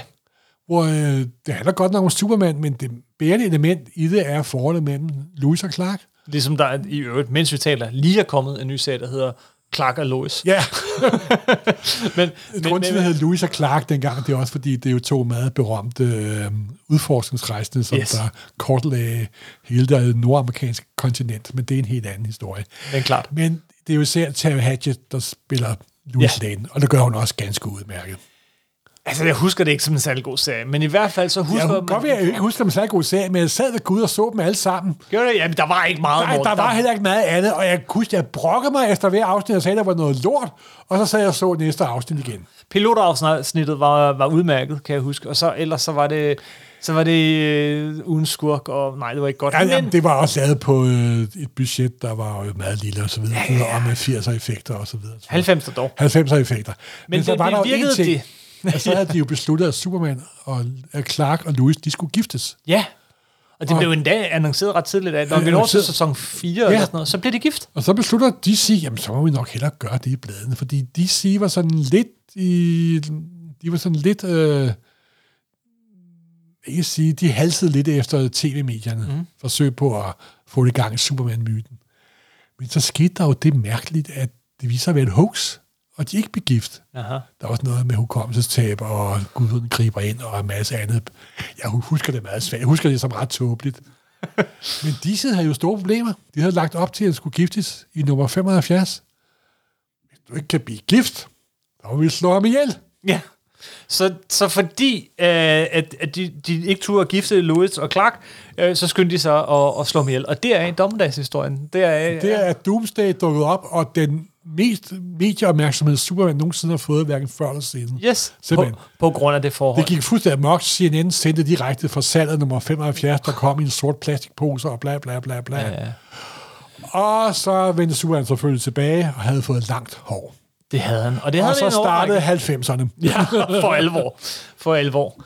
Øh, men, men så prøvede de jo alt muligt. De knækkede ryggen på Batman. Fordi så prøvede de, de, gjorde- sige jo at gentage det mediestunt. Og det kunne ikke lade sig gøre. Så prøvede de et mediestunt, hvor han afslører over for Louis Lane, at han er Superman. Yes, jeg kan godt huske, der var lidt omtalt, Ja. men Louis har endelig fundet ud af Supermans Ja, identitet. der var okay, medieresponsen. Så må vi skulle lige køre den en tak op til. så Jeg har det, jeg har det. 90'erne. Superman frier til Louis Lane. Ja, simpelthen. Wow, nej, det er der ikke nogen, der gider at skrive om. Og så blev de til sidst gift. Ja. I virkeligheden.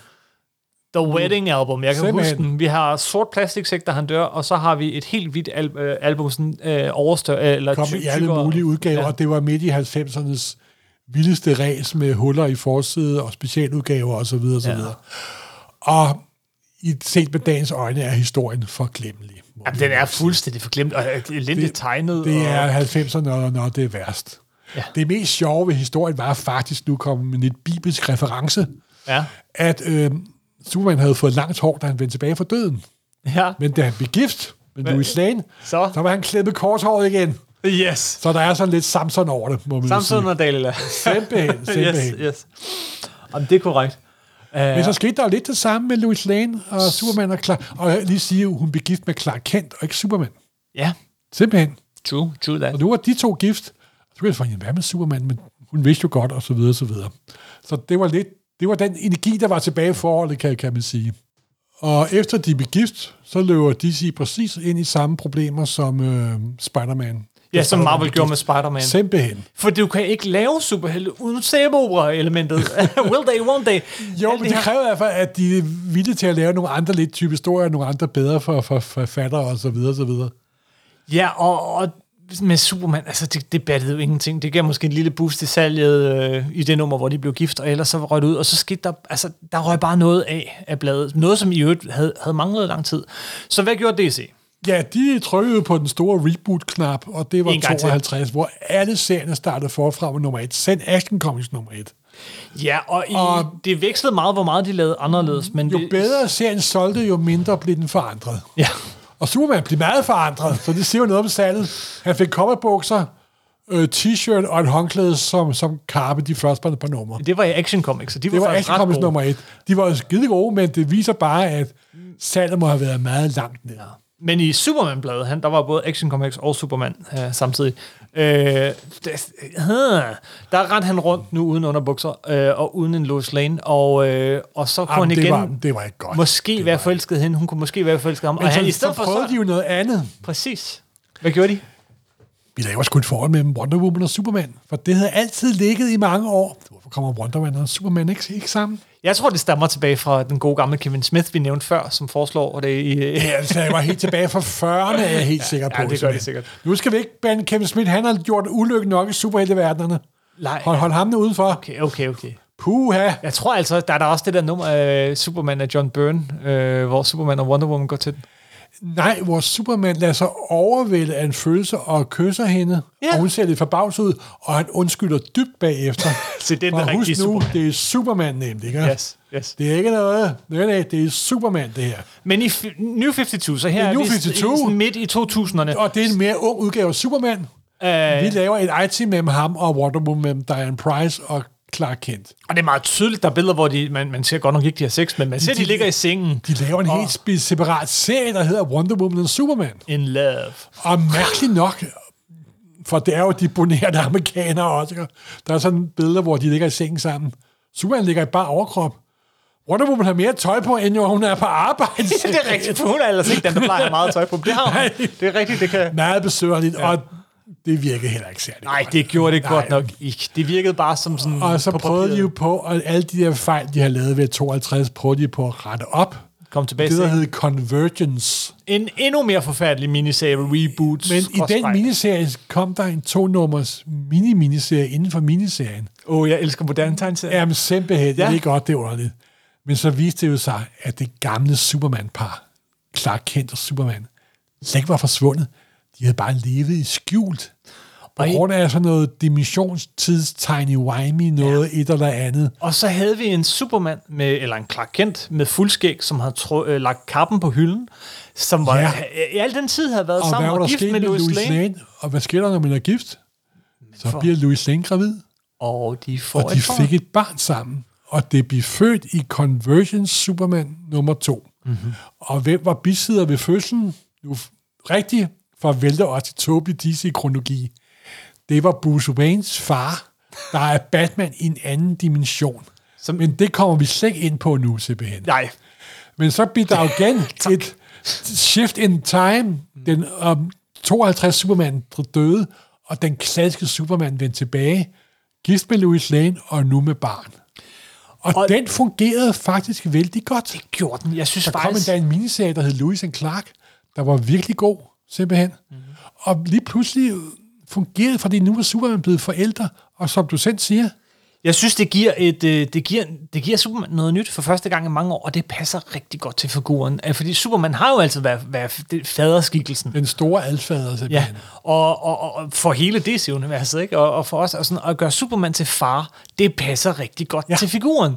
Øh, og er nyt, og det, det fungerer også i bladene. Øh, Brian Michael Bendis har så overtaget serien, øh, nu har han forladt den lige for Ja, men han har kørt Superman og Louis og Clark og det hele i mange år, i år, og det fungerede virkelig godt. ja. Og øh, der var virkelig godt samspil i- imellem dem. Så skete der selvfølgelig noget med, øh, sønnen voksede meget hurtigt, og den rigtige far dukkede op. Evig problem med fædre i superhelte. De er altid problemer. Men den rigtige far er Superman. Ja. Supermans rigtige far dukkede op. Ja, ja. Jor-El dukkede op. Yes. Men bortset fra det, og så fik øh, Louis Lane fik også lidt af en salgvandsindsprøjning. Der kom en hel miniserie med, med Louis Lane, hvor hun virkelig trådte i karakter som den internationale kendte hårdslående journalist. Og hun havde jo den store, store ære for en amerikansk journalist at blive bortvist fra det hvide hus under Trump-administrationen. Du snakker om Greg Rockers øh, ja. 12 nummer. Større ære kan ikke overgå en amerika- amerika- amerikansk journalist. Fordi er, hun påpegede visse øh, unøjagtigheder i deres måde at administrere landet på, og hun blev bortvist fra det hvide hus. Det var starten på første nummer simpelthen, og så kørte den bare derud af. Er den god? Jeg har faktisk ikke fået læst Jamen, 12 den er faktisk rigtig sjov. Ja. Den er faktisk rigtig sjov. Og det er virkelig Louis Lane som benhård journalist simpelthen. Ikke? Og hun behøver ikke Supermans hjælp. Han dukker lidt om gang med, men hun bliver, han bliver nærmest afvist simpelthen. Jeg kan godt selv klare problemerne, kammerat simpelthen. Så øhm, den er virkelig god, og det er sådan der, hvor forholdet er nu. Men så har vi jo faktisk brugt vores regel her. Og så er der en meget sjov lille ting, vi vi er lige nødt til at komme, komme, komme, ind, komme ind på. Okay, kom. I starten, Superman og Louis Lane kom sammen, så flår han altid rundt med hende i armene, og bar hende i armene. Ja. Så midt i 70'erne og 80'erne begyndte han at støtte hende, når de fløj. Nå ja. Og nu er de altid ligestillet. Nu står hun altid på, på hans fødder. Og han bærer aldrig rundt på hende mere. Det er faktisk meget sjovt, at jeg kan se det, grafikken udvikle gennem tiden. Ja. Ja. selvfølgelig er der jo, I sætter på det ene og det andet, men det er, at de er blevet ligestillet simpelthen. Ikke? Hun er ikke ham underlegen simpelthen. Ikke? Så de er blevet det sande power couple inden for amerikansk superhelt, og vil altid være det. Hun var med i Action Comics nummer 1, og det sidste nummer Action jeg lige har læst, nummer 128, der er hun knæmende også med. Nummer 1028, der er hun knæmende også med simpelthen. Så længe leve Louis Lane. Og forholdet Louis Lane, Clark Kent, Ja, simpelthen. Superman. Simpelthen. Det var da, det var da, det var da perfekt. Simpelthen. Men, men så det er faktisk en sæbeopera, som får et tredje akt. De bliver gift. Øh, men så sker der en hel masse. Jeg tror ikke, at det er den der will nok, they, won't det they, sgu men nok nulstillet på et tidspunkt. det kan jeg næsten garantere. Ja, det gør, det gør det jo desværre nok. Yes, yes, yes. Og og så alligevel, så vil jeg sige, at den her øh, kærlighedstrekant, den har kørt i så mange år, så Kun 80 bare, år. bare tanken om den er sådan lidt... Ah. Men det kan jo være, at sønnen får nogle, nogle kærlighedsinteresser. Ja, han er jo i, ude i fremtiden, ligger han jo i med Saturn Girl for øjeblikket. Ja, det, det er en det. helt anden historie. Det var det.